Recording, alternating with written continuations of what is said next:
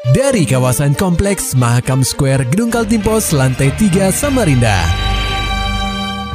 96,8 KPFM Kita akan ikuti program KP Flash News.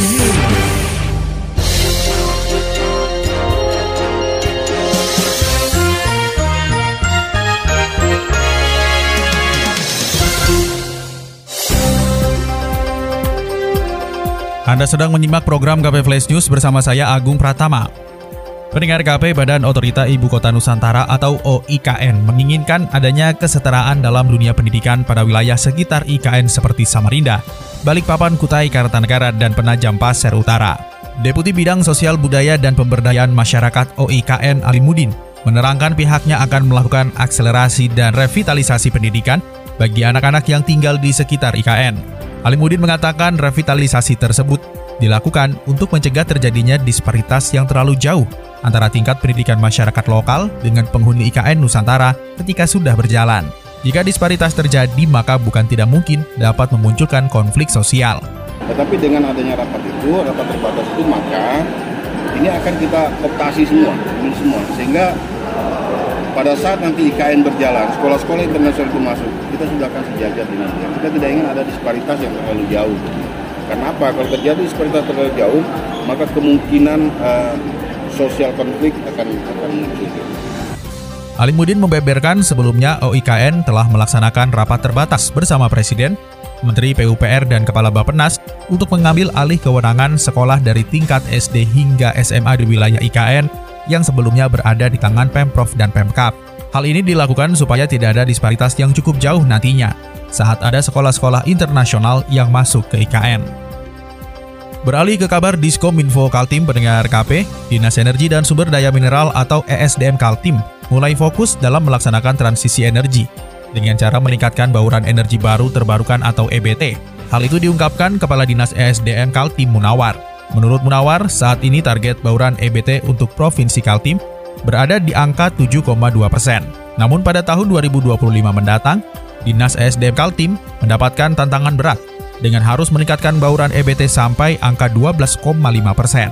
Munawar mengatakan sebelumnya penilaian bauran EBT di benua etam hanya mengacu pada basis energi bersih. Namun sekarang pihaknya sudah mulai memasuki basis energi lain, seperti pemanfaatan gas metana dari sampah serta biogas yang berasal dari sektor peternakan.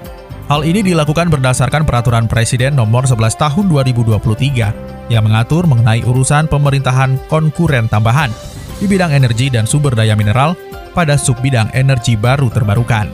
2023 ini sekitar 7,2 kalau tidak salah. Target kita Pak ya. Artinya kita masih panjang kalau kita mau mengerjakan karena memang transisi energi terkait dengan kewenangan provinsi adanya Perpres kemarin Perpres nomor 11 2023. Dulu ke yang kemarin kita baurannya hanya berdasarkan basis energi bersih terkait dengan basis perkebunan misalnya FOME, Terus kalau kita bicara lagi dengan LH, bicara pemanfaatan gas metan dari sampah misalnya. Ini kan energi-energi EBT, EBT, energi baru terbarukan yang bisa dimanfaatkan. Misalnya dari sektor peternakan, dari biogas.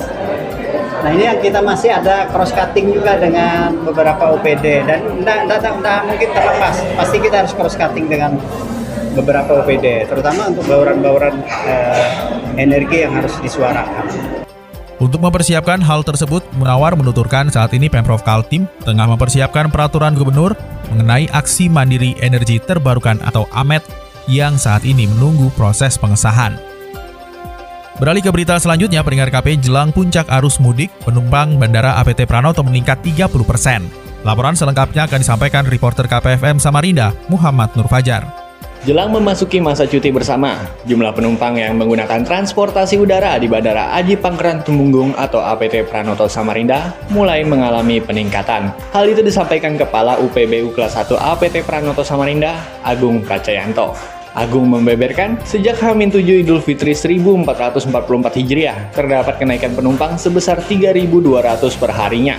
Biasanya, jumlah penumpang perharinya hanya mencapai 1.000 sampai 1.500 orang per harinya. Artinya, ada peningkatan sebesar 30 sampai 40% menjelang perayaan lebaran. Sebagai langkah antisipasi melonjaknya penumpang, Agung mengungkapkan, maskapai penerbangan telah melakukan persiapan dengan menambahkan extra flight untuk beberapa rute yang berpotensi mengalami lonjakan penumpang.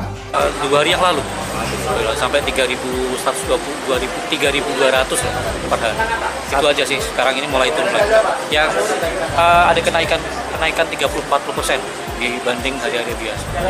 Berapa kisaran kalau di hari-hari biasa sampai dari hari sekarang? Hari-hari biasa kan 1000 gitu, 1500, ini kan sampai 3000 uh, antisipasi pembludakan ini apa mas? Kapan sebenarnya sudah sudah terantisipasi untuk uh, jadi uh, apa dari pihak airline operator sendiri sudah uh, menambah extra flight.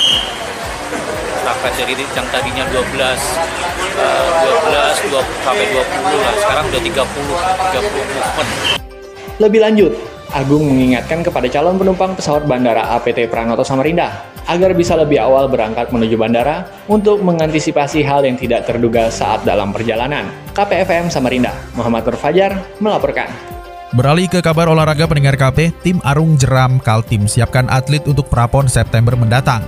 Laporannya akan disampaikan reporter KPFM Samarinda, Maulani Alamin. Pengurus Provinsi Federasi Arung Jeram Indonesia atau Faji Kaltim akan menggelar seleksi atlet untuk berlaga di Prapon Manado 2023. Sekretaris Umum Faji Kaltim, Miswan Prima Putra mengatakan seleksi tersebut akan mempersiapkan tim yang terdiri dari enam orang dalam satu perahu. Miswan menjelaskan, seleksi ini akan berjalan hingga pelaksanaan prapon, di mana tim yang ada ini sudah diambil dari peraih medali di Pekan Olahraga Provinsi Berau 2022 lalu. Untuk proses seleksi atlet Kaltim sendiri itu nanti kami akan ada karena Paji ini dalam bentukannya tim dan nanti yang dimainkan di Prapon itu R6 R6 jadi jumlah tim itu enam orang pendayung di apa di pelaksanaan. Nah jadi kami akan melakukan seleksi berjalan. Jadi seleksi berjalan berdasarkan karena kami nggak harus bisa ini karena berkaitan dengan uh, ini sendiri sarananya sungainya pada Prapon di Manado September mendatang, Kaltim masuk di zona 3 bersama beberapa daerah lainnya, meliputi Sulawesi, Kalimantan, Maluku, dan Papua. KPFM Samarinda, Maulani Alamin, melaporkan. Maulani Alamin, Muhammad Nur Fajar, KPFM Samarinda. Serta dapatkan berita-berita selengkapnya di www.968kpfm.co.id. Demikian tadi telah kita simak rangkaian berita-berita yang terangkum dalam program KP Flash News. Persembahan dari 96,8 KPFM. Terima kasih dan sampai jumpa.